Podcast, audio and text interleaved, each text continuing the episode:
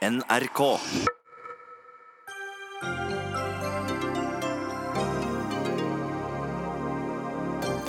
Frp-topp Ulf Leirstein sendte pornografi til mindreårig, stiller alle vervene sine i bero. Kvinner vil heller shoppe enn å jobbe, mener lederen for Spekter. Det er sånne stereotypier som holder kvinner tilbake, svarer feminist og likestillingsforkjemper. Skolen er ikke problemet, problemet er at alle må gå der. La barna heller droppe ut og få seg en jobb, råder lektor. Det synes Høyre er uklokt. Og snart møter Erna Solberg Donald Trump i Det hvite hus. Men hva om noe kan komme ut av det?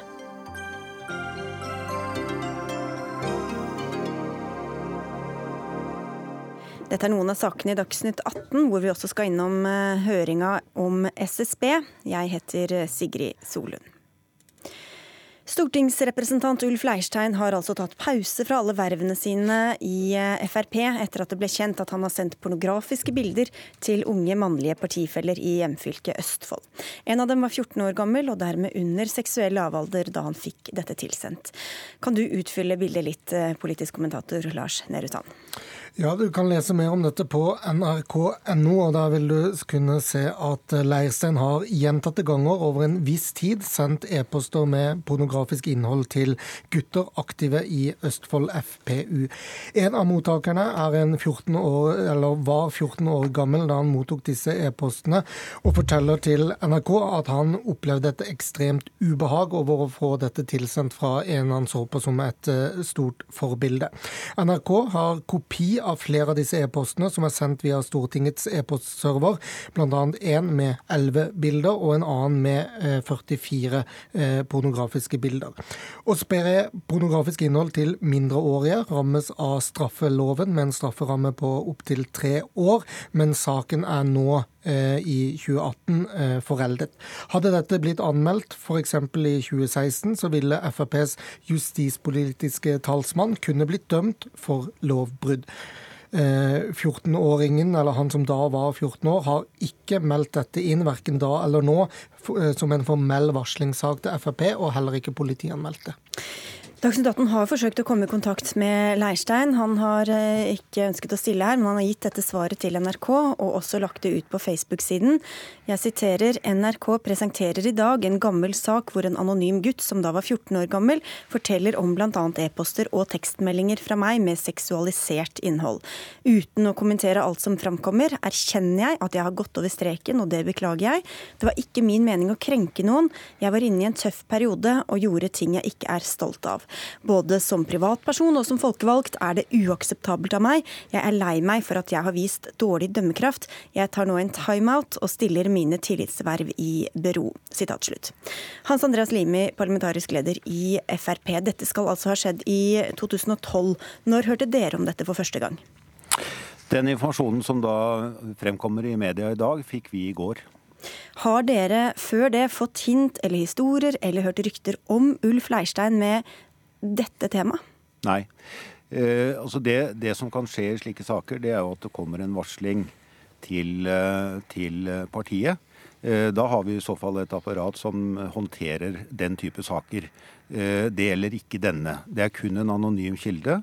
Eh, som da fremsetter denne informasjonen via media. Eh, ikke dermed sagt at vi ikke skal behandle det på en ordentlig måte. Det skal vi selvfølgelig gjøre. Vi skal, vi skal gå seriøst inn i dette. Eh, og Det er også grunnen til at Ulf Leirstein nå tar en pause, som det står i hans eh, pressemelding, slik at vi får tid og ro til å undersøke dette på en skikkelig måte. Men dere har aldri hørt noen ting som har gitt dere grunn til å mistenke noe eller til å undersøke noe om Ulf Leirstein? Nei, Eh, altså Denne saken eh, er jo gammel. Eh, den ligger tilbake i 2012. Eh, og det har aldri blitt eh, gjort noen henvendelser til Fremskrittspartiet, verken til partikontoret eller til stortingsgruppen, mm. Eh, om denne saken. så informasjonen er helt ny for oss.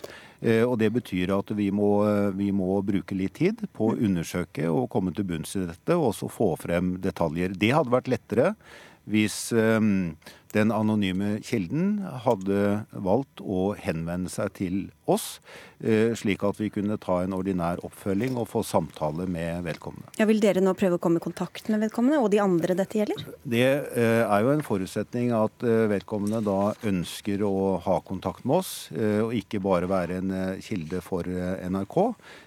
Men vi ønsker i hvert fall det, og håper at det er mulig å få kontakt, eh, slik at vi også kan koble på vårt organisasjonsutvalg, og vi får en, da en, eh, en skikkelig og grundig behandling av, av, denne saken. Hva gjør dere da for å komme til bunns i det, og for å få kontakt? Ja, Nå har jo jeg gjentatte ganger oppfordret personen til å kontakte oss, og jeg håper at vi får en positiv respons på det. Ellers så blir det å famle litt i, i blinde, egentlig. For det må være en forutsetning at, vi, liksom, at det er et ønske Eh, om å møte oss, eh, slik at eh, vi får alle detaljene.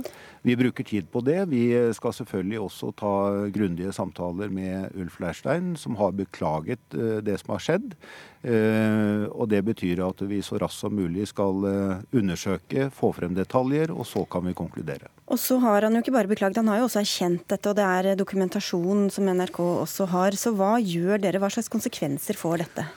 Det er altfor tidlig å si, fordi saken er så vidt ny. Eh, som sagt så fikk vi denne informasjonen i går. Eh, det betyr at vi trenger litt tid nå til å Det er masse selvfølgelig mediehenvendelser på dette. Eh, det er også en rent menneskelig side i forhold til Ulf Leirstein og hans familie. Men vi håndterer det fortløpende, og jeg håper at vi skal få frem et godt bilde av hva som har skjedd, som gir oss et grunnlag til å konkludere med skal, eh, hvilke konsekvenser dette, dette, vil få. Han sier selv Leirstein, at han var inne i en tøff periode da dette skjedde. Er det en eh, god unnskyldning, syns du? Nei, det, og jeg, jeg, leser ikke meldingen fra Ulf Leirstein som at han bruker det som en unnskyldning. En det er mer en forklaring på at kan, han da kan ha gjort ting som han i ettertid angrer på og beklager. Eh, jeg eh, kjenner ikke detaljene rundt det i, i noe, utover det som står i denne meldingen, men, men det kan jo være tilfellet at han har vært inne i en tøff periode, og at det da har skjedd ting som han eh, selvfølgelig gjerne skulle vært foruten i dag. Men det er jo ikke noe unnskyldning. Leirstein er altså justispolitisk talsperson. Dette har skjedd fra stortings-e-posten, Stortingets server. Hvor alvorlig vil du, vil du uh, si at dette er, ut fra det du faktisk vet? Nei, det Basert på den informasjonen vi har nå, så er det klart det er helt uakseptabelt å bruke eh, Stortingets e-post til å formidle den type budskap. Eh, og det, det har også Ulf Leirstein beklaget på det sterkeste. Eh, og så er det jo spørsmål om liksom, hvilke konsekvenser får det. Det er jo tross alt noe som ligger mange år tilbake i tid. Men det er det vi nå skal undersøke, og det må vi også få litt tid på å diskutere internt. Vil dere også da sjekke om det er andre forhold og andre historier om uh, Leirstein? Jeg går ut fra at de som eventuelt måtte ha noe å meddele, de tar kontakt med oss og, og, og gir den informasjonen de mener at det er riktig å gi. Eh, vi er veldig åpne for det, og vi oppfordrer eh, alle som opplever ubehagelige ting i, i, partiet, til å kontakte oss, fordi vi er opptatt av at det skal være ryddige ordentlige forhold for alle. Uh, uavhengig av på hvilket nivå de er. Og vi har veldig strenge retningslinjer for hvordan man skal oppføre seg, både internt og eksternt. Ja, takk skal du ha, Hans Andreas Limi. Lars Nehru Sand, hvor vanskelig er den saken å håndtere for Frp-ledelsen? Det gjør det jo mer komplisert at man ikke har en varsler å forholde seg til. Det tror jeg vi må, må forstå også sett utenfra. Men man har en vesentlig informasjon, eh, som du også er inne på i, i din samtale med Leise, nemlig at han selv erkjenner at han har gjort noe som er galt. Eh, og jeg tror man på med det som grunnlag og med den informasjonen man faktisk har nå, også vil kunne konkludere internt i partiet med hvorvidt Leirstein har brutt retningslinjene, og i så fall hvilke eh, konsekvenser det skal få. Frp har, som Leirstein sier, et ganske godt regelverk Limi, ja. Limi unnskyld. Eh, et ganske godt eh, regelverk som også omtaler f.eks.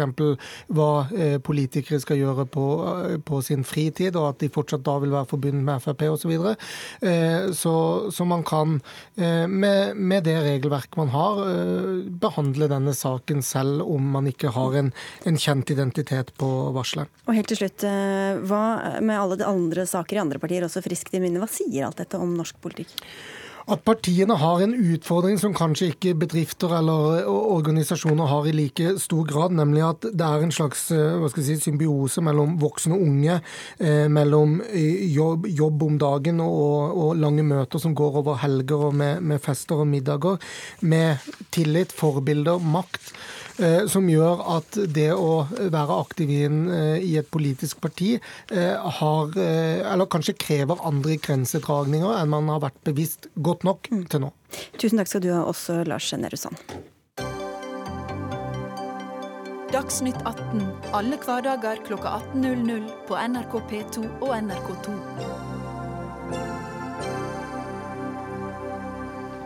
Kvinner vil heller gå og shoppe på CC Vest enn å jobbe. Det kan vi lese på forsida av Dagens Næringsliv i dag, som også skriver at ifølge Statistisk sentralbyrå jobber 12,5% av alle yrkesaktive menn deltid, mens 36,8% av alle yrkesaktive kvinner gjør det samme. Anne Kari Bratten, sjef for Spekt, er du som står for denne påstanden. Hvordan veit du at disse kvinnene shopper i stedet for å gå på jobb? Nei, Vi vet i hvert fall at én av tre av de kvinnene som jobber deltid, de oppgir ikke utdanning eller at de har omsorg for små barn eller eldre, eller at arbeidet er for belastende. Og Da er det jo rimelig å anta at de er opptatt av fritid. Og vi vet fra andre undersøkelser, f.eks. YS sitt arbeidslivsbarometer, at det er mange som er opptatt, eller flere, som er opptatt, flere kvinner som er opptatt av å ha fritid, som det heter enn det er menn. Og det er jo veldig synd, fordi for det første trenger Norge arbeidskraften, og for det andre så får du mye mer kompetanse og kontinuitet rundt tjenesten hvis man jobber heltid. Det er mest opptatt av, er jo at kvinnene må sikres økonomisk selvstendighet og pensjonspoeng. Mm. Men øh, hva vil du si er moralsk OK grunner til å ikke jobbe fulltid? Jeg syns at uh, i Norge så har vi det slik at vi har universelle velferdsytelser, vi har like muligheter for alle. Det skal være like muligheter for å komme til sykehus og få barnehage uansett hva slags stilling og inntekt og sosial status du har. Og da tenker jeg at en del av samfunnskontrakten vår i Norge er at vi må stille opp med arbeidsinnsatsen når vi ikke har små barn eller har dårlig helse eller uh, har nådd en viss alder. Så jeg mener at det er en del av samfunnskontrakten mellom oss som borgere og velferdsstaten at vi faktisk yter når vi har uh, mulighet til det. Det er den måten vi kommer til å berge velferdsstaten på når, når inntektene blir mindre. Marie Louise Sunde, du eh, er kirurg, og i tillegg så leder du organisasjonen Hun spanderer, som jobber for å engasjere unge kvinner og menn eh, sammen for å jobbe mot diskriminering og fremme likestilling både globalt og lokalt. Hva tenkte du da du leste eh, denne uttalelsen? Altså jeg er helt enig med Bratten om at eh, det for Norge økonomisk så er det viktig eh, å ha flere kvinner i fulltidsarbeidende. Og for kvinnene spesielt så er det viktig både for pensjonspoeng og for å være økonomisk eh, uavhengig. Da jeg leste den overskriften, så jeg ble overrasket. Og jeg syns det er litt trist at lederen for en av Norges største arbeidsgiverorganisasjoner med ansvar for 200 000 arbeidstakere på bakgrunn av disse tallene trekker en konklusjon som jeg oppfatter er så feil, og som er basert på gamle og hemmende stereotypier. Stereotypier som har hemmet kvinner i generasjoner, og som fremdeles hemmer kvinner i norsk næringsliv. Eh, jeg har i dag fått de siste tallene fra IS arbeidslivsparameter. Eh, og det som de viser, er at i alderen 15 til 30 år, som er den eh, arbeidstakergruppen som kanskje ofte ikke har barn, og som Bratten er mest forarget over at jobber deltid, så er det 46% som angir at de jobber deltid fordi de ikke får fulltidsarbeid, og det er bare 3% som sier at de jobber deltid fordi de ønsker mer fritid. I i den arbeidsgruppen som er litt eldre, 30 til 44 eh, år, så er det eh, nesten 50% som sier at de jobber deltid fordi de har ansvar for barn, og fordi de ikke lar seg kombinere. Og her er det også bare 5,6% som sier at de jobber deltid eh, fordi de ønsker mer fritid. Så jeg kjenner meg ikke igjen i de tallene, og jeg syns det er dumt at man bruker gamle stereotypier om at kvinner ikke ønsker å jobbe, eller kvinner ikke ønsker en karriere, eller at kvinner heller ønsker å gå og shoppe på CC Vest eller gå på spa enn å bidra inn i samfunnet. Hvorfor framstiller du da som at kvinner er late eller ikke gidder å jobbe, men at de heller vil kvinner, Norske kvinner er jo ikke late. Når norske kvinner er på jobb, så er det jo Nei, men at de, de, at de ikke vil jobbe, at de ikke vil jobbe Nei, vi, Det er jo en kjensgjerning at 90% av all deltid i Norge er frivillig, sier Statistisk sentralbyrå. Og sånn har det vært i veldig mange år. Og F.eks. i sykehusene så gjorde man en en eh, kartlegging og en eh, ordentlig dugnad for noen år siden for å få flere til å jobbe heltid. Og Resultatet av det var at det var 6% av de som jobbet deltid i helseforetakene, som ønsket å jobbe full stilling. Det er jo påfallende i 2018 at nesten 40% av kvinner jobber deltid, og bare 15% av mennene gjør det, uansett hva slags undersøkelser man ser på eller hva det er. Og hens, altså, Hovedpoenget her er jo å få diskutert hvordan kan vi få tak i den arbeidskraften? Hvordan kan vi få gjøre disse kvinnene økonomisk selvstendige? Men, Hvilket signal sender du ved å framstille på den måten at de velger å shoppe på Oslo vest Nei, men det, for Man må lese ordentlig. Altså Det jeg sa, var at man har små barn, og man har dårlig helse, går i utdanning, har nådd en viss alder, så er det en veldig fin del av norsk arbeidsliv at man kan jobbe deltid. Men hvis du har fått deg en utdanning og Eh, har store barn f.eks., så du har muligheter for å jobbe heltid, og arbeidsgiveren din vil at du skal jobbe heltid, så syns jeg det er en del av samfunnskontrakten i Norge å Har du en moralsk plikt til å jobbe heltid? Ja, jeg syns det er en moralsk plikt, for det er den måten vi bygger velferdsstaten på. Så kan man høres snusfornuftig ut, og man kan høres moralsk ut og alt mulig, men om du velger å jobbe, ha fritid for å gå og shoppe eller plukke blomster eller hva du vil, så syns jeg kanskje du skal tenke over det, og så må du tenke over pensjonspoengene dine og inntekten dine. Hvis jeg kan komme med en kommentar til det. Veldig mange av kvinner jobber i dag i turnusarbeid. Jeg jobber selv i turnusarbeid i helsevesenet. Eh, og da vet man at Tunus turnus er ekstremt lite fleksibelt. Mm. Samtidig så vet man i Norge eller i Vest-Europa så jobber kvinner omtrent fem timer ubetalt arbeid hver dag, mot menn som jobber én til to timer eh, ubetalt hver dag. Det betyr at for veldig mange kvinner så er det helt uforenlig å ha familie og samtidig jobbe i turnus. Det er et privilegium man som toppleder ofte eh, unngår, fordi man har en mye større fleksibilitet i egen, i egen jobb. Eh, så du skjønner ikke hvordan virkeligheten er der ute? Nei.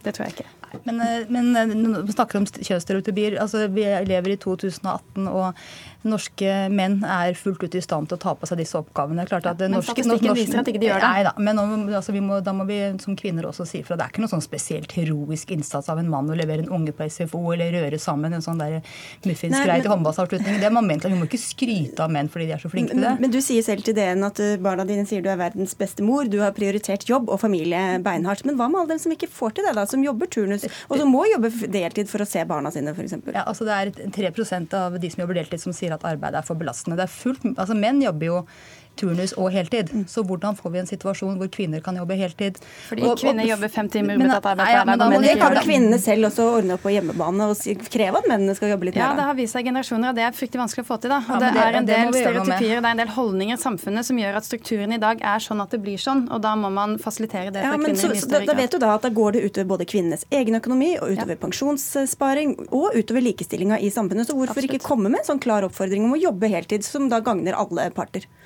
Det må være gjennomførbart. Eh, og sånn som rammene er i dag, så er det for veldig mange kvinner ikke gjennomførbart. Og det er to grunner til det. Den ene grunnen er at veldig mange kvinner har yrker som er, hvor deltid er eh, normen. Eh, og veldig mange av de Mange velger jo selv å jobbe deltid, da.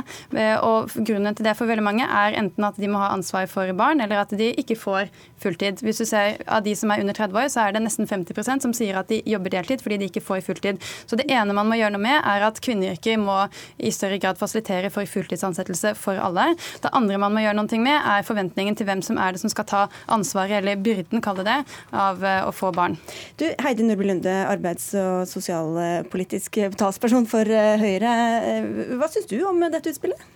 Og overskriften? Ja, Overskriften er jo spisset, og det skjønner jeg for å heve en debatt. Jeg synes Det gledelige er at det er faktisk 60 000 flere kvinner som velger å ha valgt å jobbe heltid de siste fem årene. 60 000 færre på CC Vest? 60 000 færre på CC Vest, og det er kortere køer der, og det er flott.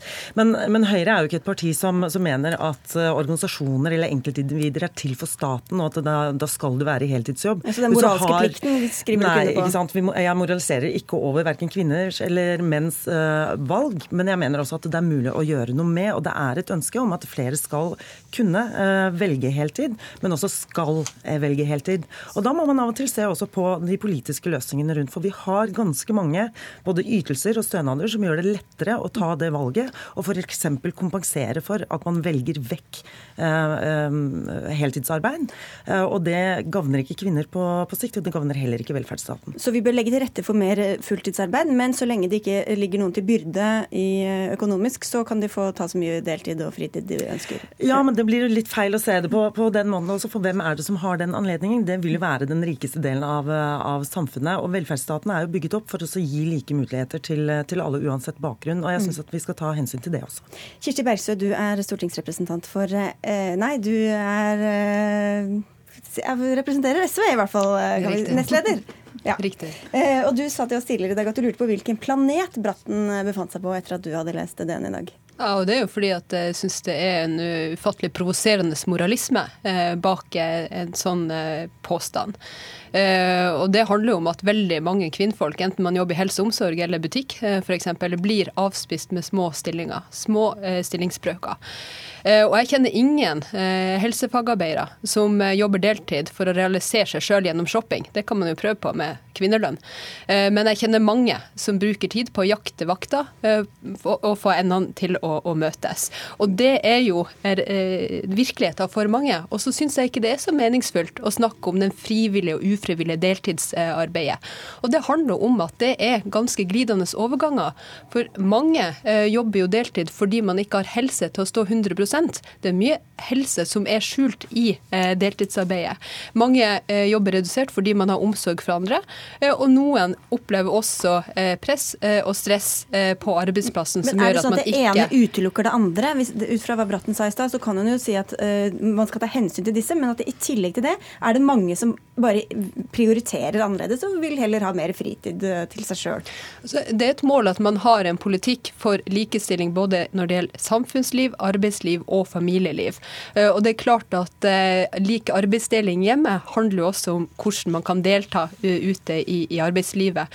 Og det er et mål at, at folk skal jobbe så man kan være økonomisk selvstendig, men da må man jo også bli tilbudt 100% Og hvis man ser på stillingsutlysningene, så er det ikke det i de stillingene som mange kvinnfolk søker på, og da blir det her meningsløs moralisme. Men det er jo også forståelig Eh, at folk ønsker å leve det her livet.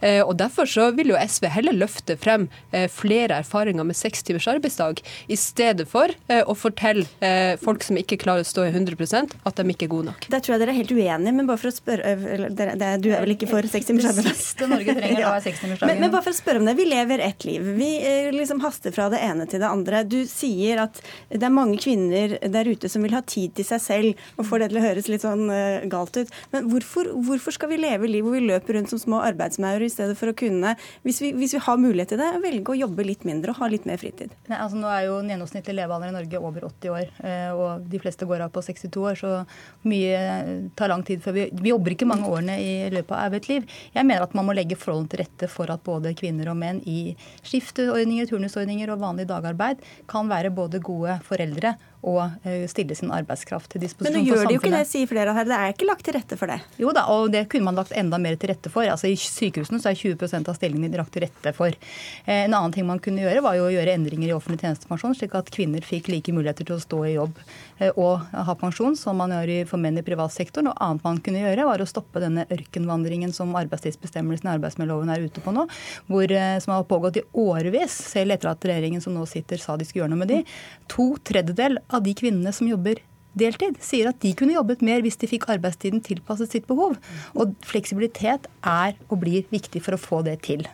Sunde. Ja, eh, og da tror jeg du er inne på et veldig viktig poeng, dette med fleksibilitet. Eh, og du snakker om sykehuset. Det å jobbe i sykehuset det er null fleksibilitet.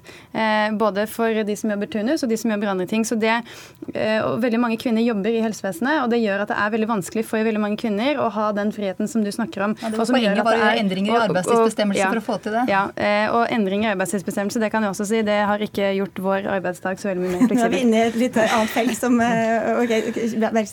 Men et veldig viktig felt, for det handler om regulering. Eh, hvis at man skal kunne delta i arbeidslivet eh, som foreldre i forskjellige faser i livet, så er vi avhengig av et regulert arbeidsliv. Og den raseringa som høyresida holder på med nå, eh, med mer styringsrett til arbeidsgiver, med mer midlertidighet, eh, at, eh, at, maktforholdene i arbeidslivet forskyves eh, voldsomt, det er jo med på å lage et mer brutalt arbeidsliv som skyver folk ut. Jeg tror jeg Nordby Lunde må få svare på det til slutt. For det første å si at et av, et av verdens best regulerte arbeidsmarked er brutalisert arbeidsmarked. Det, det tar jeg avstand, avstand, eh, fra. Vi har forslag om å styrke arbeidsmiljøloven om fortrinnsrett til bl.a. deltidsansatte dersom eh, stillingen utvides. Vi, vi, ser særlig innen helse og omsorg at dagens turnusordninger ikke eh, svarer på, på, utfordringene, og ønsker å gjøre noe med det. SV ønsker ikke det, fordi at de støtter opp under fagforeningens eh, krav. Og så syns jeg egentlig vi er litt dårlige til å anerkjenne problemstillingene. fordi at når det er beviselig heltidsstillinger til tilgjengelig i privat næringsliv, hvor jeg har vært i over 20 år og aldri sett en deltidsstilling, så tar man da utgangspunkt i at kvinner velger offentlig sektor og har sykefravær, eller er syke. Men jeg syns vi skal faktisk diskutere det som er problemstillingen. At uh, funksjonsfriske, voksne kvinner velger vekk heltid. Det var det vi prøvde å gjøre, da. Men eh, vi kom ikke lenger. vi får si tusen takk til dere alle fire. Anne Kari Bratten, som er sjef for Spekter. Marie Louise Sunde, som står bak Hun spanderer. Heidi Nordby Lunde fra Høyre. Og Kirsti Bergstø fra SV. Takk skal dere ha.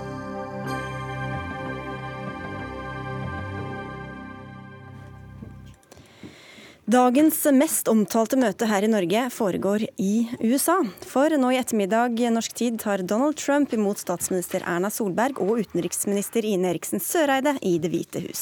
Solberg og Trump har møttes to ganger tidligere på Nato- og G20-toppmøtene i fjor. Dette blir det første bilaterale møtet mellom dem. Og Anders Romarheim, du er førsteamanuensis og leder ved Senter for transatlantiske studier. Dette møtet er en enestående mulighet til å få etablert et godt arbeid arbeidsforhold, sier du. Men hva skal til for det?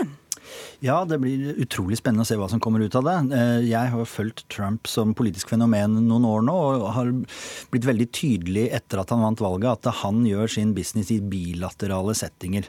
Når han kommer til eh, G8 eller G20, så, så er han mer sånn destruktiv. Jeg trekker USA ut av avtaler og alt sånt, og så sier han vi vil fremforhandle noe bilateralt. Sånn at det er på tomannshånd med presidenten. Man eh, får muligheten til å lage et arbeidsforhold som er ganske viktig for Eh, Norge. Fordi det ligger jo an, eh, hvis ikke noe spesielt skjer, så ligger det an til at eh, Erna Solberg og Donald Trump skal være statsledere for sine respektive land i fire år. Fra 2017 til 2021. Men hvor mye bilateralt er det bare mellom Norge og USA egentlig? Ja, det kan man jo spørre seg om, men eh, det rapporteres jo at CIA-sjefen skal ha en eh, sentral rolle i eh, denne serien av møter, blir det jo i Washington for utenriksministeren og statsministeren. Og etterretningssamarbeidet mellom Norge og USA er substansielt. Jeg tror det er et veldig bra tegn for Norge at det blir en så markant sikkerhetspolitisk ramme rundt det hele. Også når Støre og Stoltenberg tidligere har vært i, i Washington, så har man poengtert at fra amerikansk side viktigheten av det nære etterretningssamarbeidet.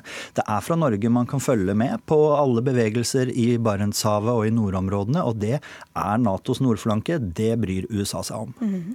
Tove Bjørgaas, korrespondent i Washington. Er det håp om å kunne påvirke Trump når det ikke er så mange rundt?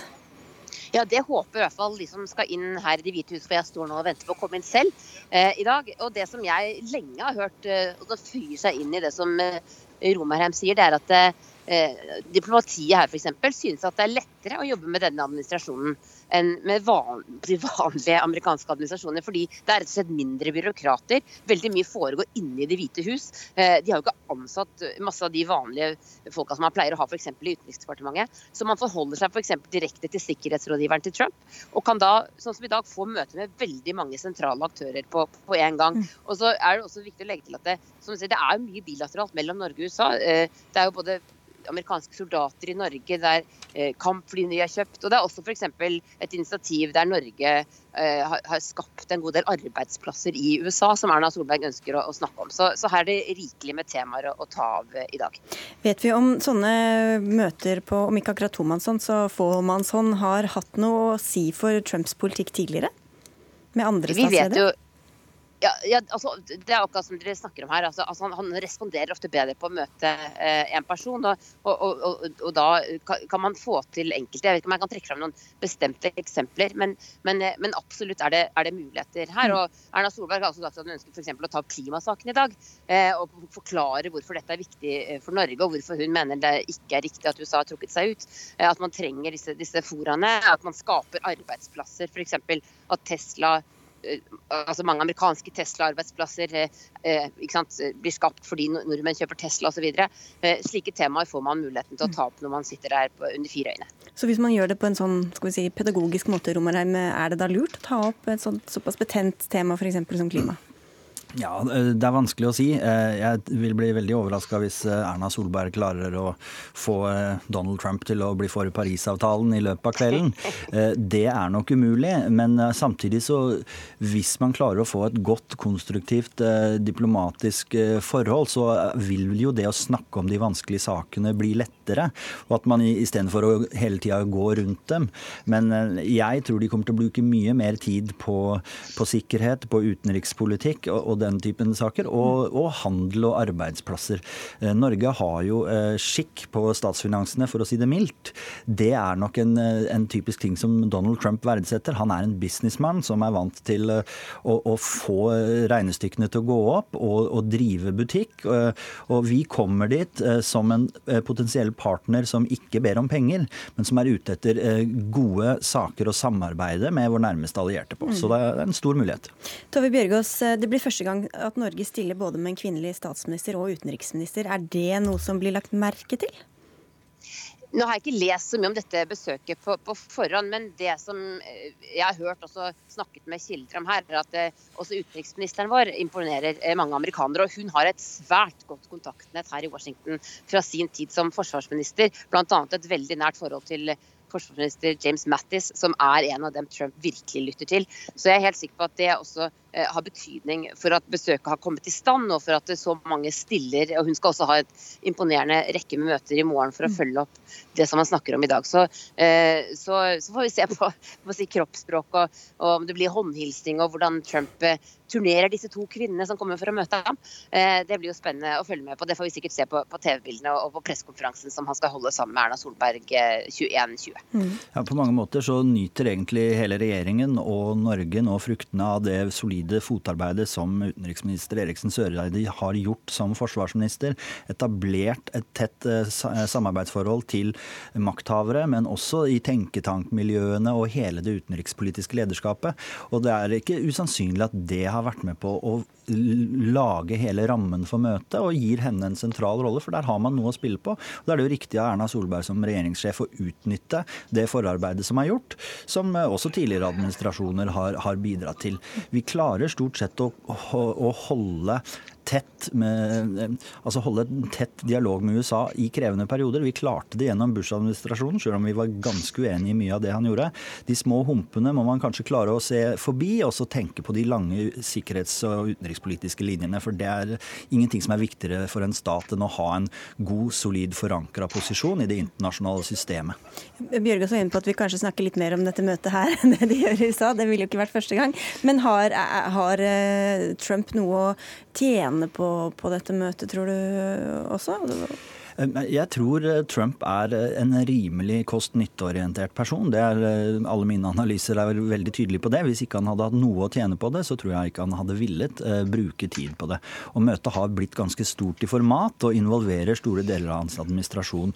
Og Det siste er veldig viktig, for det senest når han lanserte den sikkerhetspolitiske strategien sin, så var det jo noe annet det Trump sa i talen, enn det som sto i strategien. Mm. Så noen ganger så lurer vi på hvem skal vi tro på da? Skal vi tro på administrasjonen? Administrasjonen hans, den versjonen de kommer med, eller skal vi to, tro på det Trump eh, lirer av seg på talerstolen? Men når du får alle i samme rom litt eh, satt på spissen, så får du på en måte begge perspektivene, og det tror jeg kan gi eh, den norske regjeringen veld, et veldig helhetlig bilde av den interne dynamikken, og hvor USA står på en del eh, saker, og virkelig få klarlagt posisjonene. Og da gjelder det å finne felles prosjekter man kan jobbe med. Trump er kontroversiell, men vi må forholde oss til han uansett. Og Utover kvelden blir vi altså litt klokere på møtet, som du sa, Tove Bjørgaas. Takk for at du var med derfra, og takk til deg, Anders Romerheim, for at du kom i studio.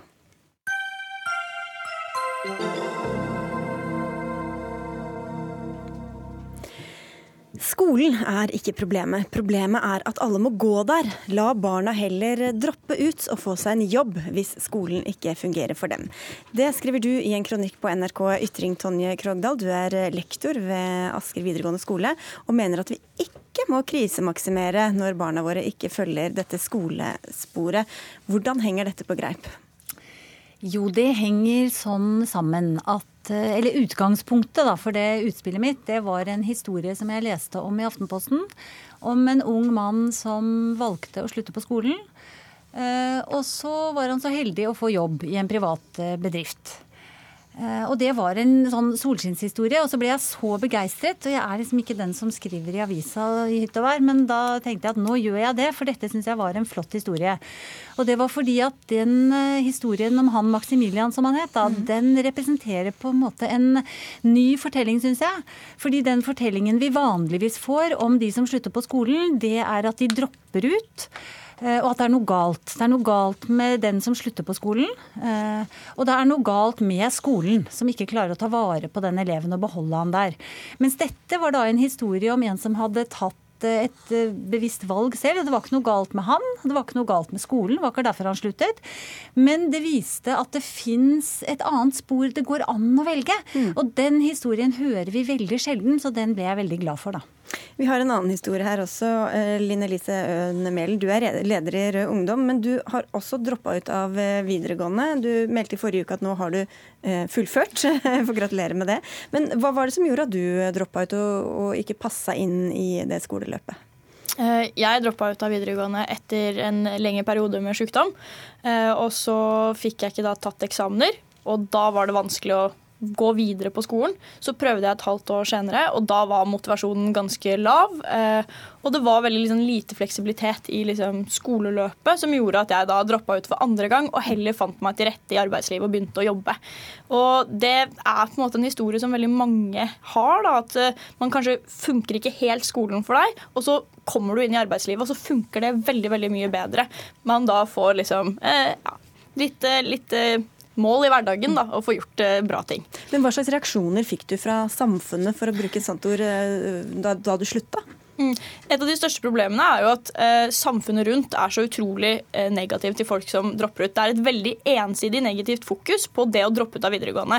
Og så ser man ikke på en måte all den statistikken man har, da, som f.eks. at de aller fleste som dropper ut, de kommer seg ut i arbeidslivet, og det går fint med de. Eh, det jeg fikk høre mye, er jo at man er en liksom, skoletaper, og at man hele tiden da, blir møtt med en sånn vegg da, av at du trenger formell kompetanse. Hvis ikke så eh, har du ikke sjans på denne jobben eller lignende. Alexander Stokkebø, du er stortingsrepresentant for Høyre, medlem av utdannings- og forskningskomiteen. Hvorfor må alle på død og liv gjennom den samme kverna? Eh, alle må ikke på død og liv eh, gjennom den samme kverna. Og videregående jeg skal gi Krogdal rett i det, videregående passer nok ikke for alle. Og det fins solskinnshistorier om elever som har f.eks. et brennende engasjement for et område, står på og jobber hardt og lykkes. Og vi heier jo på alle som oppnår og klarer det. Men dere ønsker at flest mulig skal gå videregående? Ja, og for de fleste som strever med å gjennomføre videregående, så er det ikke sånn at bare dropper du ut av videregående, så fins det en himmel som åpner seg.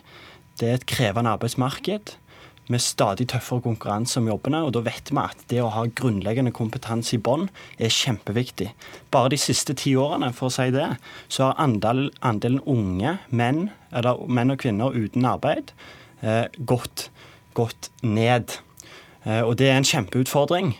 Eh, som vi må ta tak i. og En av hovedgrunnene til at ikke flere av disse har kommet i arbeid, er at de har mangla den grunnleggende videregående opplæringa. Vi vet at vi trenger mer kompetanse, mer utdanning. Hva slags signal sender du da ved å si at uh, fremheve sånne solskinnshistorier at det kan gå kjempebra uten? Ja, jeg sier ikke at det kan gå kjempebra utenfor alle, men jeg mener at vi trenger den fortellingen også. Nettopp uh, eh, pga. det du nevnte, ikke sant? om det der ensidige negative fokus. Og vi bruker ord som at man har droppet ut og at man er mislykket. Jeg har, jeg har jobba 25 år i videregående skole, og jeg har sett i løpet av de årene så har jeg sett veldig mange som fordi de må slutte på skolen, må bære på en sånn der voldsom byrde av skam og dårlig samvittighet, for de har ikke oppfylt forventningene til mor og far, og forventningene til seg selv, og forventningene som kommer fra alle kanter. Og så blir de kalt for dropouts. Og da legger vi, syns jeg, en byrde på disse enkelte ungdommene som de ikke har fortjent å få. For det er på en måte systemet det er noe feil med, det er ikke dem. Eh, og det synes jeg, Sånn syns jeg ikke vi kan gjøre. Da syns jeg vi må heie på dem isteden. Og så må vi bruke alle de krefter vi har på å finne andre veier til dem. fordi vi mm. kan ikke være helt like alle sammen. Ja, kan det være noe i de ordene dere bruker og politikken dere fører som gjør at folk føler seg mislykka, og dermed får, gjør det kanskje dårligere utenfor eh, skolesystemet enn det de ellers ville gjort? Jeg tror eh, vi skal heie på alle elever. Men i det som... dere gjør i dag, kan mm. det være noe i det de sier? Jeg tror uh, vi må, uh, må, anerkjenne det som jeg sa var inne på helt fra start, at Eh, skolen, den videregående skolen. Det er en grunn til at den er frivillig. Den passer ikke nødvendigvis for alle, og det er fullt lov.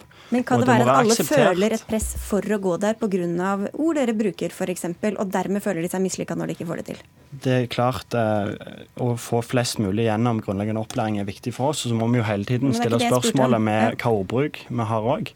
Eh, og vi må òg gjennom ord vise at det er fullt fullt anerkjent og akseptert å velge en annen vei. Men vi må ikke la det bli en lavere terskel og velge å droppe ut.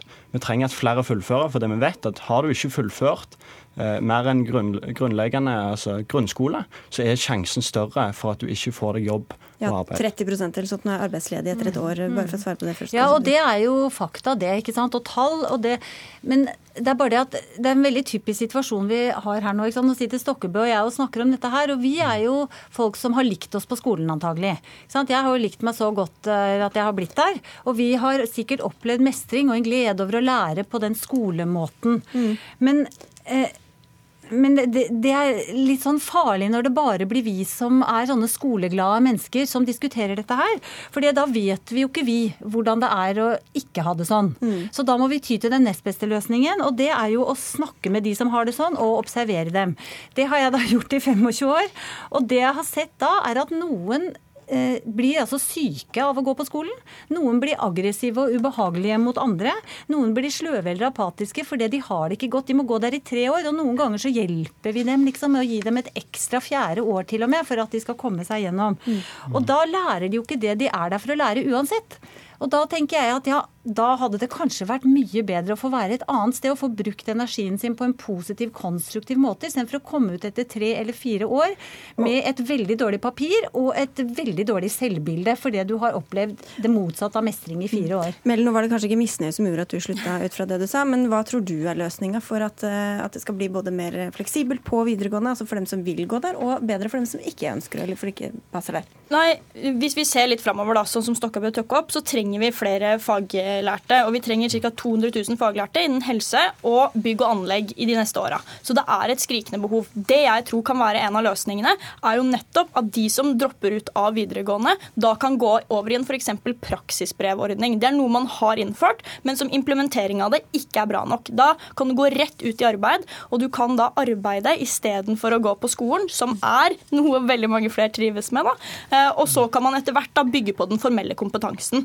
Og det er et kjempetiltak. Så det vi må gjøre, er å se på andre alternative måter da, for de som dropper ut, og fullføre sitt utdanningsløp. Og en av de problemene som eh, Høyre hele tiden fronter, er jo nettopp det at folk som dropper ut, de får et sånn veldig negativt eh, fokus. Og vi snakker om at vi har veldig veldig høy dropout i Norge. Hvis vi bruker EU-definisjonen som måler dropouts eh, i Norge, så har vi 10% som dropper ut, og ikke 30 ja, Da kan du få svare på det til slutt. Eh, Ja, altså, for å si sånn, Jeg tror hoved, eh, hovedtingen vi må jobbe med, er å gjøre skolen mer relevant, mer interessant og sørge for at flere fullfører. Da handler det om flere ting. Gjøre den mer fleksibel. Det handler om å yrkesrette yrkesfagene. Det handler om å ha flere alternative veier til mål. Ikke alle vil gå på en A4-skole. Mer tid til dybdelæring og bedre rådgivning for å velge de rette opplæringsløpene. Og for de som velger et annerledes løp og går ut av videregående skole, så må vi sørge for å følge de tett, og sørge for at hvis de finner ut at de vil ta videregående opplæring senere, så må de ha en vei tilbake. Og den, den retten, den har vi nå gitt dem. Okay. Vi er nødt til å, ja, Hvis ikke du har ett sekund, så ja. Nei, Jeg bare hadde lyst til å si det, for du snakker som en politiker om alle tiltak dere må gjøre og sånn, og det er fint, men jeg trenger ikke å ta den rollen, så jeg kan man jo ønske meg et samfunn, da. Og da tenker jeg at det må jo være et sunnhetstegn, faktisk, at ikke 100% av ungdommene våre gjør akkurat det samme, for det ville jo vært et forferdelig samfunn, tenker jeg. Du, vi får avslutte med den eh, lille filosofien der. Takk skal dere ha alle sammen. Tonje Krogdal, eh, lektor, Alexander Stokkebø fra Høyre og Line Lise Mælen, som altså er leder i Rød Ungdom. Hør Dagsnytt 18 når du vil. Radio NRK Radio.nrk.no.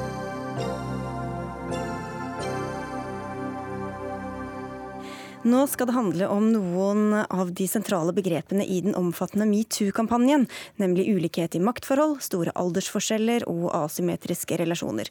Men hva gjør at forhold er asymmetriske, og er det alltid så tydelig om noen misbruker makten sin? For ordens skyld, nå snakker vi ikke om saker som den vi var innom i begynnelsen av sendinga, med pornografi sendt til mindreårige, men om de mange andre sakene som har vært oppe i kjølvannet av denne kampanjen. Og psykologspesialist Eva Tryti, hva slags makt er det snakk om i sånne situasjoner? som som vi har snakka så mye om de siste ukene og månedene? Altså Makt er jo generelt kontroll over ressurser. da. Så når du er i en posisjon hvor du har kontroll over noen ressurser som andre vil ha, så har du jo mulighet til å påvirke oss i en retning som ikke er heldig. ikke sant? Og de ressursene trenger ikke å være penger eller posisjoner? Nei, det kan være muligheter, det kan være forskningsmidler, det kan være eh, tilgang til viktige personer. Det kan være veldig mye rart. Så hvordan ja. ser vi da at sånne maktmisbruk kommer til uttrykk? Ja, Vi har jo sett mye nå, da. Hvordan kjenner vi det igjen? Vi kjenner det igjen eh, fordi folk eh, opplever det på den måten. Altså, Vi er jo nødt til å se på folks subjektive beskrivelser av det. Ikke sant? Man kan prøve å beskrive det objektivt, i betydningen at man kan si hvordan ville folk utenfra, fornuftige folk utenfra med peiling på dette, vurdert en situasjon. Men det er jo ofre for det som selv må beskrive hvordan det kjennes. Mm. For det kan jo være ganske subtilt og skjult. Stig Berge Mathisen, du er professor i organisasjonspsykolog ved Handelshøyskolen BI.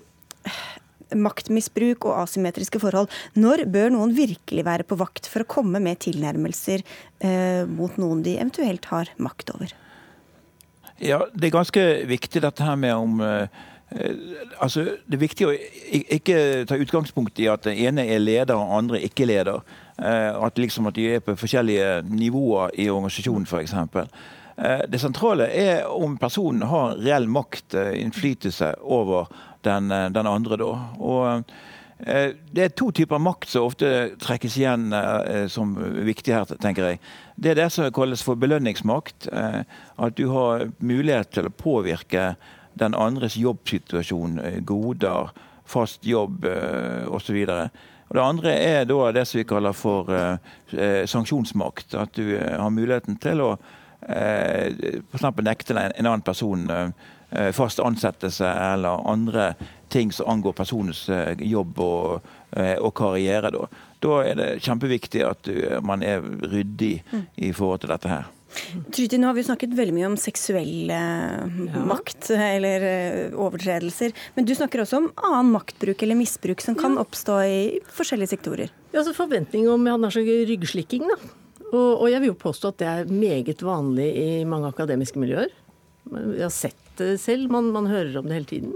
Og såpass, det kan være såpass mye ukultur at det er måten det gjøres på.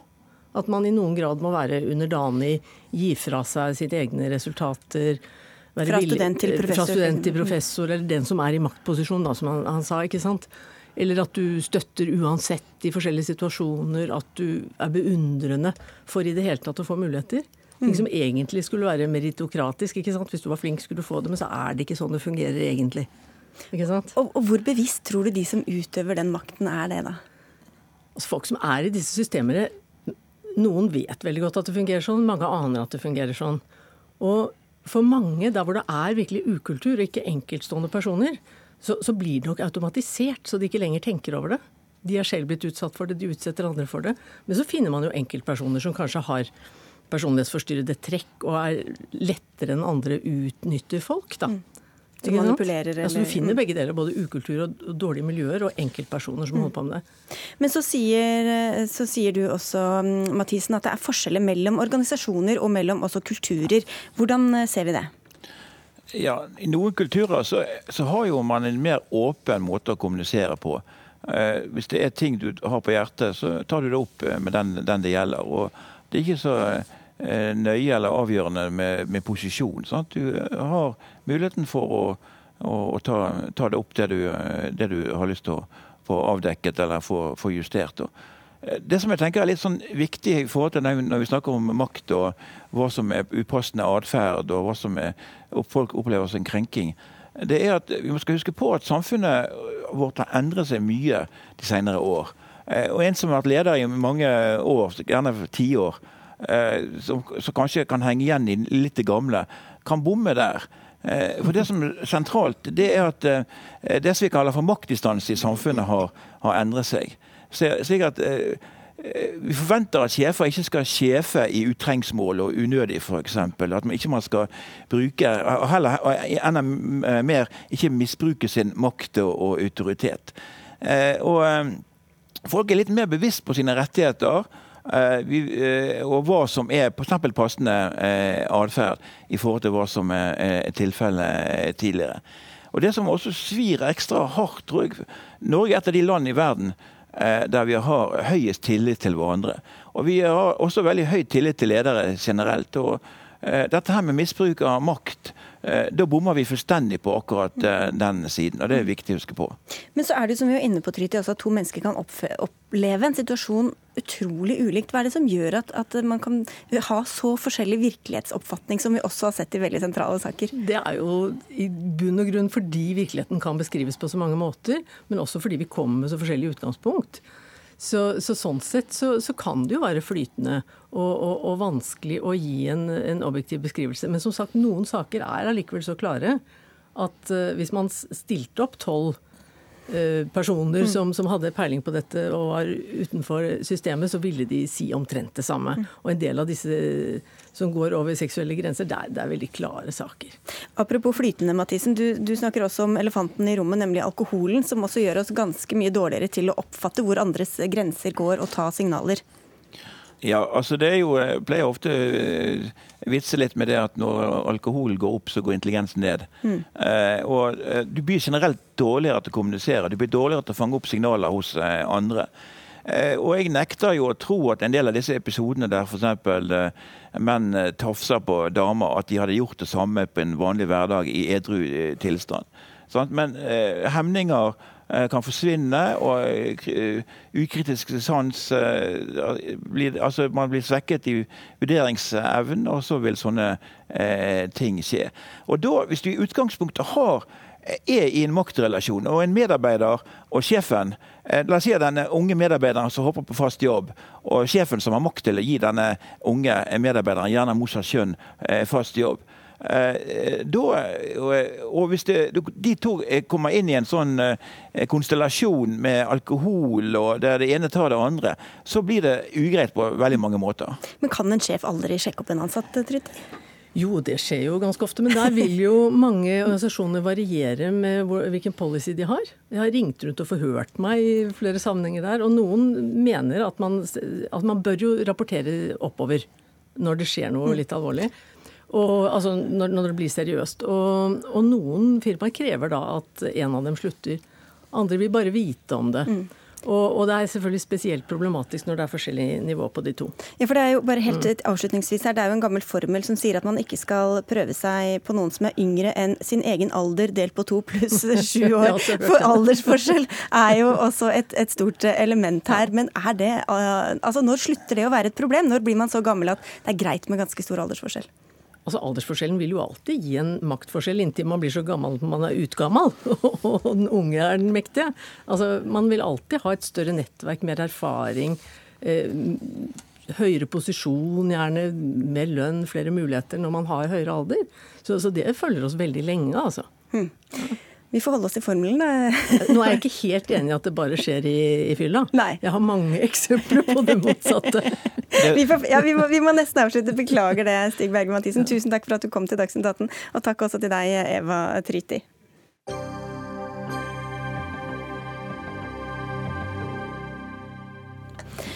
Etter mange timer går nå stortingshøringa om eh, SSB mot slutten. Tidligere i dag forklarte avgått direktør Kristine Meyer seg for kontroll- og konstitusjonskomiteen, og akkurat nå er det finansminister Siv Jensen som blir spurt ut. Og de har ganske ulike virkelighetsbeskrivelser, apropos, om omorganiseringa i byrået i fjor høst, da flere forskere ble flyttet fra forskning til statistikkavdelinga.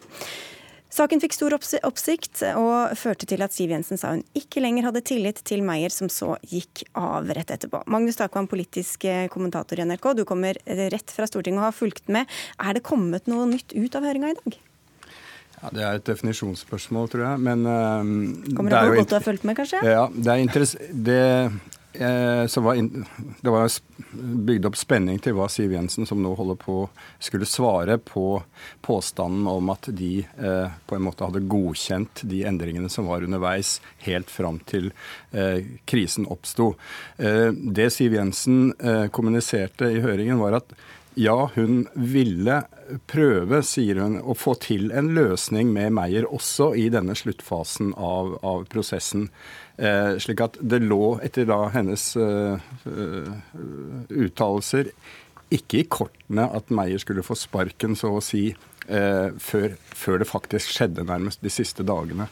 Og det, det Siv Jensen sa i høringen, er at de har ved flere anledninger Eh, sagt og, kommet med advarsler om at det verktøyet som forskningsavdelingen bruker til først og fremst til dette samfunnsoppdraget, måtte beholdes. Og de oppfattet at de retningslinjene som Meyer til slutt landet på, ville være i konflikt med det departementet hadde sagt. Men her har jo de to partene helt ulike syn på virkeligheten.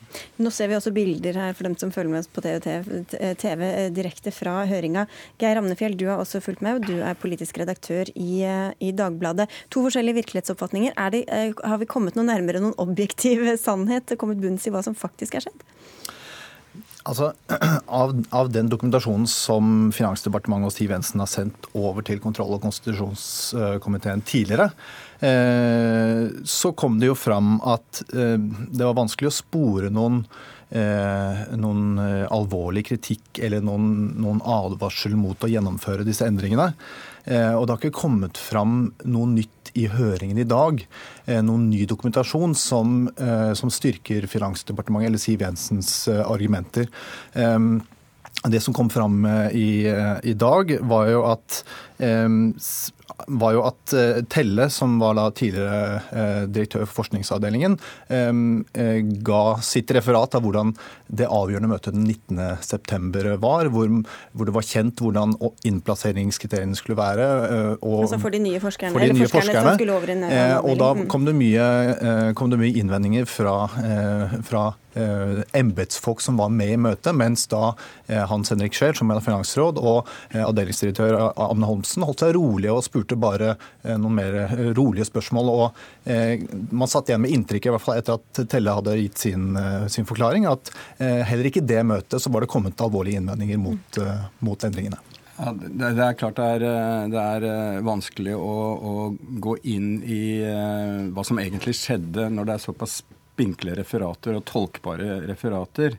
Eh, men mitt inntrykk fra tidligere har vært at eh, Finansdepartementet var usikker på hva disse kriteriene i praksis ville bety, for de var utformet på en måte som ikke var helt åpenbar når det gjaldt å skal vi si, hva vil det egentlig bety i praksis. Eh, så det, det, er nå den vurderingen jeg, jeg, har forstått at de, de landet på. Det, det, nye, det konkrete Siv Jensen sa om om disse tingene, var at det var i møter i mai mellom SSB og departementet konkrete forslag fra byrået om å legge, legge, ned to av disse viktigste modellene som går på befolkningsframskrivinger, og også klimaframskrivinger. Og det sa da departementet i dette møtet at det er ikke aktuelt. Og så opp i departementets versjon så opplever de at i praksis ble det på en måte repetert i de kriteriene som, som til slutt eh, Meyer foreslo. Det var jo særlig dette med innvandring og innvandringsregnskap og Kristine Meyers syn på innvandring Geir Amnefjell, som gjorde at dette ble en stor sak i offentligheten, i hvert fall. Eh, er det noe som styrker eller svekker at det liksom var et sentralt eh, spor også i selve saken?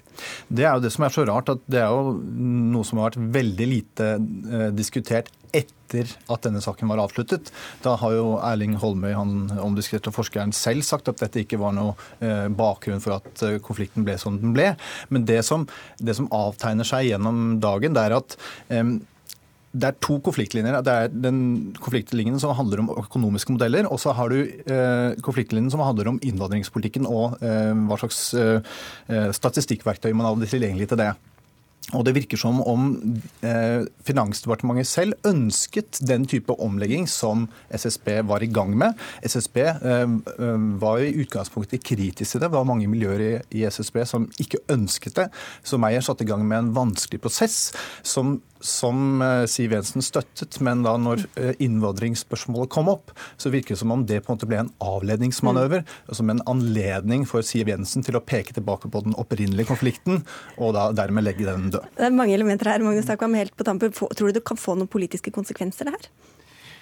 Nei, det tror jeg ikke. For altså, dra, Dramaet i saken er jo utløst i og med at Meyer har gått av, og man har bestemt at det statistikklovutvalget som uh, var under arbeid, skal uh, konkludere før man uh, vedtar nye endringer i SSB. Men det blir en kritikk av Siv Jensen fra i hvert fall deler av opposisjonen. Det er jeg helt sikker Og de som vil kan følge innspurten av høringa nå på nrk.no. Vi må si takk for oss her i dag, Magnus Takvam og Geir Amnefjell. Takk for at dere kom. Arnhild Myklebust var ansvarlig for sendinga. Frode Thorshaug hadde det tekniske ansvaret. Og jeg heter Sigrid Solund og ønsker en god kveld videre.